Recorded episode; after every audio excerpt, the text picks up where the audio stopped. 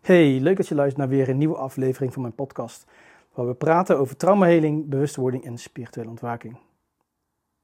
Ik ben net teruggekomen van mijn weekje vakantie op de motor samen met Saskia, waar we lekker hebben rondgereden in de Ardennen, in de Eifel en in Luxemburg. Waarvan ik moet zeggen dat Luxemburg eigenlijk wel het meest, de, de stad Luxemburg, mij het meest verraste. Ik heb uh, niet vaak zo'n hele schone stad gezien en zo verzorgd. Iedereen was verzorgd als in uh, de stad Luxemburg. Ik weet nog dat ik in Noorwegen op de motor ben gaan rondreizen. En toen was ik ook al zo verbaasd over de, hoe schoon het land was. En hoe opgeruimd en hoe netjes alles was. De, hoeveel respect mensen daar hebben voor de natuur en voor hun omgeving. En dat zie je ook gewoon in hoe de mensen zich kleden en hoe ze zich gedragen. Hoe ze rijden. Dus allemaal op uh, gepast tempo, niet scheuren zoals wij hier kennen in uh, Nederland en Duitsland. Maar zoetjes aan. En ook in Luxemburg was alles zo mooi, schoon en rustig en ruim. We zijn toen ook naar een paar parken geweest. En dan zie je gewoon dat alle parken gewoon helemaal schoon zijn, helemaal opgeruimd. Iedereen is daar gewoon respectvol naar zijn omgeving. En ik keek er ook best wel een beetje tegenop om weer aan de slag te gaan. Om weer in mijn kantoor te gaan zitten. En vol gas mezelf over te geven aan mijn werk. Maar als ik dan vanochtend weer begin met mijn eerste cliënt, dan denk ik daarna, ja, mijn hart gaat toch echt wel sneller kloppen van mijn werk. Dit is toch wel echt daadwerkelijk nu mijn zielspad en mijn passie. Dus ik vind het ook, nu ik weer aan de slag ben, helemaal geen probleem wat zeg ik, geen probleem. Ik ben juist hartstikke blij dat ik weer lekker aan de slag kan gaan. En er is een thema wat mij een paar keer voor de voet is geworpen om te bespreken. En misschien herken je het in je eigen leven. En er zit best wel veel taboe op dit onderwerp. Het is ook heel moeilijk bespreekbaar te maken door de mensen die hierin hebben gezeten.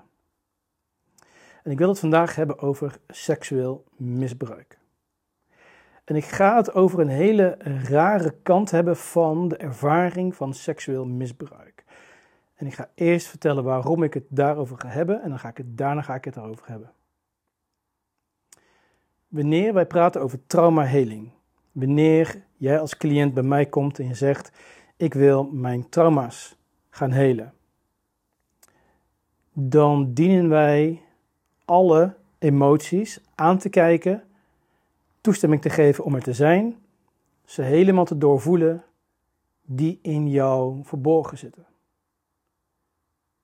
En natuurlijk zul je dan heel snel gaan wijzen naar een bepaalde angst of een bepaalde boosheid. Maar er zijn zoveel andere emoties die ook gepaard gaan met eenzelfde ervaring. Ik kan bijvoorbeeld heel erg boos zijn op mijn vader dat hij mij sloeg. Dat hij niet mij de dingen heeft geleerd die ik nodig had. Dat hij mij achterliet met een meisje van 19 jaar, wat mijn stiefmoeder dan zou zijn. Waaruit heel veel stress en ruzie is gekomen. Wat er uiteindelijk tot geleid heeft dat ik op straat gezet werd. Ik zou alleen maar kunnen wijzen naar die boosheid. Maar waar ik achter kwam is dat deze situatie bij mij in mijn leven ook heel veel andere emoties met zich meebracht. Ik had bijvoorbeeld ook heel veel schaamte over mijzelf. Ik had ook heel veel schaamte over mijn gezinssituatie, mijn thuis, mijn familie, mijn vader en stiefmoeder, naar mijn vriendjes en vriendinnetjes. Ik had ook heel veel boosheid naar mijzelf. Dat ik zo'n slachtoffer was en dat ik zwak was. Dat ik niet sterk genoeg was om voor mezelf op te komen. En dat de manier hoe ik dat deed, dat het altijd een manier was die intuïtief was of instinctief, dus niet doordacht. Als een reflex in plaats van een antwoord. En als kind zijn en al die tools en al die wijsheden nog helemaal niet ontwikkeld. Dus je reageert sowieso niet doordacht.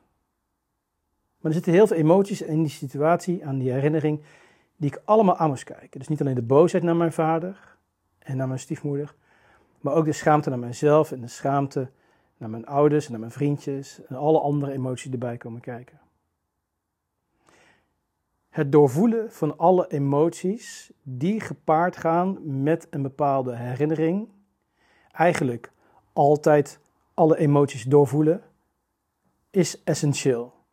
Het verbergen, het wegstoppen van bepaalde emoties zorgt ervoor dat het zich nestelt in je lichaam en wanneer het een te grote emotie is, een te sterke emotie, een emotie die echt gezien wil worden, dan blijft het op je deur kloppen en op een gegeven moment gaat het wringen en dan praat je over een vastgelopen emotie. En dan ga je die beschermen met een patroon en dat patroon ga je zien in je leven en daar heb je dan last van. En als die emotie niet lang genoeg blijft zitten in je lichaam, dan gaat, dat, gaat die emotie gaat vreten aan je lichaam. Je immuunsysteem gaat omlaag. En dan zien we dat er allemaal kwaaltjes ontstaan en ziektes. Het doorvoelen van alle emoties is dus het allerbelangrijkste wat er is om jouw lichaam, de container die alle energie huisvestigt, dat is een lichaam. Om alle energie te kunnen laten stromen, moeten alle emoties kunnen stromen, moeten alle emoties gezien kunnen worden. En dat betekent ook dat als er een situatie is zoals seksueel misbruik. Dat we dan moeten kijken naar alle emoties die daarmee gepaard gaan. Willen wij dat trauma oplossen? En nu zul je 99% van alle keren verwachten dat iemand die seksueel misbruikt is, heel veel trauma heeft door het seksueel misbruik. Onveiligheid is natuurlijk ten grondslag daarvan. En zitten nog heel veel andere emoties. Maar daar wil ik nu heel even niet naartoe. Ik wil heel even juist naar een kant die vrijwel nooit besproken wordt. En die er wel mag zijn. En natuurlijk zijn het unieke gevallen. Dit zijn niet de gevallen, de situaties waar de meeste mensen mee te kamp hebben. Maar als jij je hierin herkent, dan nodig je uit om voor jezelf toe te staan dat deze emotie er ook mag zijn. Want nogmaals, het enige doel is dat alle emoties er mogen zijn. Ook als zij heel erg weg, weggestopt zijn, die je eigenlijk niet wil zien, waar, waar je misschien zelfs een beetje voor schaamt. Je kunt je ook schamen voor een bepaalde emotie of een bepaalde mening. Ook die mogen gezien worden. En ik nodig je daarom nu uit om hier naar te kijken wanneer jij te maken hebt gehad met seksueel misbruik. Er was een keer een cliënt eh, bij mij in de praktijk en die vertelde mij dit. En toen dacht ik bij mezelf, ja, dit is dus exact wat ik bedoel. En jij, deze cliënt, bent zo sterk en zo eerlijk naar jezelf. En dat vergt ook heel veel lef en intelligentie en inzicht en compassie. Doortastendheid. Deze cliënt zei tegen mij, Jamie, ik ben misbruikt, seksueel misbruikt door een familielid. En weet je, ik vond het zelfs niet erg. Ik vond het zelfs fijn in de zin dat ik gekozen werd uit alle kinderen in onze familie. Er waren heel veel nichtjes en neefjes in, dit, in deze familie. En deze persoon was uitgekozen door deze familie, door dit familielid, als slachtoffer voor seksueel misbruik. Nu kun je dat vinden. Ik vond het eigenlijk wel fijn dat ik gekozen werd. Ik vond het eigenlijk wel een. Nou, ik wil niet een eer zeggen, maar ik vond het wel bijzonder dat ik uitgekozen werd. Zo'n zin zou je heel je leven lang voor je kunnen houden. Je zou hem heel je leven lang niet durven delen met iedereen. Want wat zou de reactie zijn van je omgeving als ze daar iets over zouden zeggen? Als jij tegen je uh, familie zegt: Ik ben seksueel misbruikt door deze persoon. En weet je, ik vond het eigenlijk best wel fijn dat ik gekozen werd uit de hele groep andere kinderen. Hoe zouden mensen dan naar je kijken? En er zullen heel veel mensen deze mening hebben nadat zij dus seksueel misbruikt zijn. En die dat niet durven erkennen. Laat ik ten eerste heel even benaderen waarom iemand zoiets zou kunnen bedenken.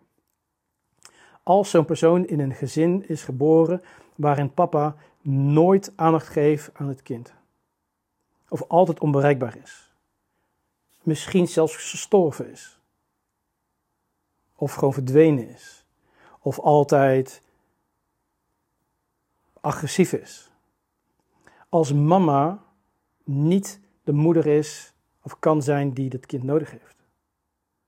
Misschien is ze heel erg zwak en heel zielig. Misschien eist alle aandacht op, geeft ze geen bescherming aan het kind. Als het kind opgroeit in een situatie waarin zich nooit gezien voelt, niet veilig, niet erkend, niet gevalideerd, dan kan zo'n rare, extreme situatie als seksueel misbruik dat kind eindelijk een keer het gevoel geven: jij bent speciaal. En zo'n kind kan dus heel haar of zijn leven rondlopen met de schaamte dat hij of zij het oké vindt en zelfs fijn vindt om gekozen te zijn als slachtoffer. Als een persoon later door het leven gaat en merkt ik heb een trauma, en dat trauma kan zich uiten als ik weet niet wat ik wil, ik heb geen gevoel, ik kan niet bij mijn emoties, ik voel me niet veilig, et cetera, et cetera. En zij deelt of hij deelt deze ervaring met een therapeut of met een hulpverlener of wie dan ook. Dan kan het zijn dat deze hulpverlener dan heel snel gaat focussen op je bent seksueel misbruikt, dus dat is het trauma, dus daar moeten we op gaan werken. En dan kijken we al die emoties aan die daarbij gepaard gaan. Maar de cliënt komt niet verder. Want datgene wat eigenlijk echt aangekeken moet worden, wordt niet aangekeken. En wanneer jij in zo'n situatie zit als deze en je ervaart nu herkenning van hé, hey, dit resoneert met mij, dit ken ik. Dan is het heel goed mogelijk dat als je hier niet toestemming voor geeft aan jezelf om dit te vinden en te voelen, ik vind het fijn om gekozen te zijn. Ik heb eigenlijk helemaal niet zoveel last van het misbruik. Dat is niet het trauma. Als je dat niet toelaat aan jezelf, dan kun je ook niet het licht schijnen op datgene wat wel gezien wil worden. En dat is dan in dit voorbeeld bijvoorbeeld dat het kind zich altijd afgestoten heeft gevoeld door de ouders. En dat het af is geleerd om emoties te voelen. Want als de emoties gedeeld werden, dan werd hij of zij afgestoten door papa en mama. Dan is het trauma dus niet het seksueel misbruik, dan is het trauma dus afgestoten zijn door papa en mama. Niet veilig zijn, niet gezien worden. En ik moet nou denken aan een talk van Gabo Maté, waarin waarin hij heel duidelijk uitlegt: een trauma is niet het traumatische ervaring, is niet de traumatische ervaring. Het trauma is hoe jij reageert op een bepaalde ervaring, een bepaalde gebeurtenis. Dus jij kunt seksueel misbruik hebben meegemaakt en dat niet als traumatisch hebben ervaren. Terwijl in diezelfde gebeurtenis, in diezelfde timeline, hetzelfde, hetzelfde jaar, dezelfde maand, kun je bijvoorbeeld heel erg uitgelachen zijn door je vriendinnetje. Kun jij afgestoten worden door papa en mama. Kun jij, noem maar op. En dan kan dat het trauma zijn. Maar dan moet je eigenlijk dus wel eerst durven toegeven dat datgene waar jij misschien logischerwijs rationeel dacht dat zal het trauma zijn, misschien helemaal niet het trauma is. En dat alle emoties die er wel bij horen, er ook mogen zijn, ook al denk je, ja, maar nu schaam ik me ervoor. En die schaamte ervoor mag er dan ook weer zijn. En zo werken we alle emoties af. Dus, ik schaam me ergens voor, oké, die schaamte gaan we aankijken, die gaan we doorvoelen. Waar schaam je voor? Dat ik het eigenlijk oké vond dat ik misbruikt werd door iemand, want nu voelde ik me eindelijk speciaal. Dat gaan we er laten zijn, die emoties gaan we doorvoelen. En daaronder ligt weer, hoe kan het zijn dat het eindelijk oké is, dat je dus van een min 10 naar een 0 of een plus 10 bent gegaan door zo'n extreme situatie. Wat is dan die min 10? Die min 10 is waar ik was, thuis bij papa en mama. Hoe voelt dat? Die emoties aankijken, die toelaten. En zo moeten we alle emoties doorlopen, afgaan, bekijken, doorvoelen, accepteren, die gepaard gaan met een bepaalde situatie of een bepaalde gebeurtenis. Alle emoties. Ongeacht wat andere mensen zouden denken. En soms spreek ik wel eens een cliënt en die zegt dan: Ik kan niet boos zijn op mijn papa, want mijn papa doet eigenlijk alles voor mij. En dan kan ik me voorstellen dat je niet tegenover jouw papa gaat staan die alles voor je doet en dan hem de huid vol gaat schelden. Maar als jij tegen jezelf zegt: Ik mag niet boos zijn, terwijl er eigenlijk wel boosheid is van iets wat vroeger is gebeurd, dan zeg je tegen jezelf: Deze emoties ga ik lekker vasthouden in mijn lijf en ik ga net doen of die niet bestaat. En elke emotie wil gezien worden, dat is allemaal energie energy in motion. En als je die emotie niet aankijkt, dan gaat hij dus vroeten in je lijf en dan gaat hij druk op je lijf en dan krijg je de stress en trauma en dat gaat dan allemaal vastzitten. En uiteindelijk gaat je immuunsysteem omlaag, valt het jouw eigen lichaam aan en krijg je dus kwaaltjes en ziektes. Alle emoties moeten doorvoelen. Ik wil je uitnodigen om samen met mij te werken aan al jouw emoties. Om al jouw meningen en gevoelens aan te kijken.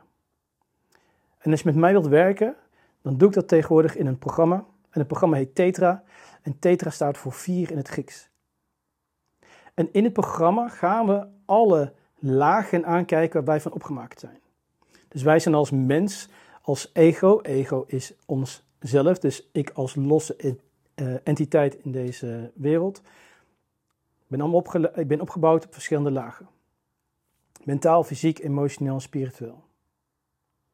En op elke laag wil ik met jou werken om alle verborgen emoties en alle verborgen knopen als het ware aan te gaan kijken en weer te laten stromen. Want je moet je voorstellen, zo'n gebeurtenis zo'n seksueel misbruikgebeurtenis bijvoorbeeld, maakt een imprint op vier lagen. Op je mentale laag, je fysieke laag, je emotionele laag en je spirituele laag. En op je mentale laag heb je natuurlijk de herinnering, die kan knagen, waar je heel veel woede en vroeging op kan hebben. Op je emotionele laag, dat is dan ook een energetische laag. En daar zit die angst misschien in, of die schaamte, of het verdriet, of misschien wel een andere emotie. En op je fysieke laag, daar worden al die emoties ook vastgehouden. Dus ook gewoon een energetische container. En in jouw fysieke lichaam kun je vaak aanwijzen met je vinger. Daar heb ik vaak last. Druk op je borst, kramp in je nek, uh, slechte darmen, etc. En op je spirituele laag gaan we het aankijken omdat onze ziel ook trauma's kunnen dragen en door kunnen geven aan volgende levens, aan je kinderen, etc. Dus we gaan op al deze lagen gaan we alles aankijken wat maar te maken heeft met jouw trauma. En dat doe ik in een vijf maanden programma dat Tetra. En we doen dat in een groep van maximaal 12 mensen. En elke week in deze vijf maanden krijg je een module, een les, vrijgegeven. En die kun je dan volgen. En in deze maand komen we als groep komen we samen en dan gaan we alle lessen gaan we bespreken.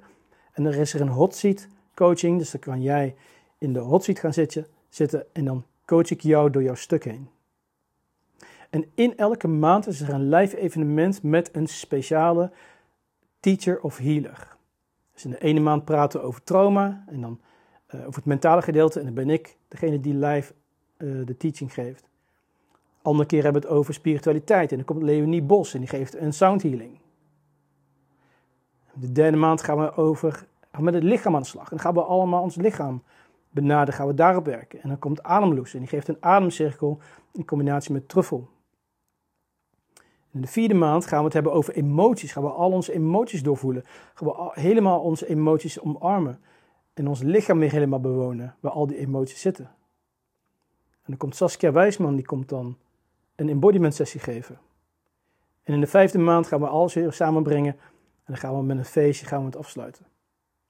En dit vijf maanden programma Tetra start op 4 september. En het doel is om het vaker te gaan doen wanneer de groep vol zit en dan gaat de volgende groep van start. Het duurt vijf maanden.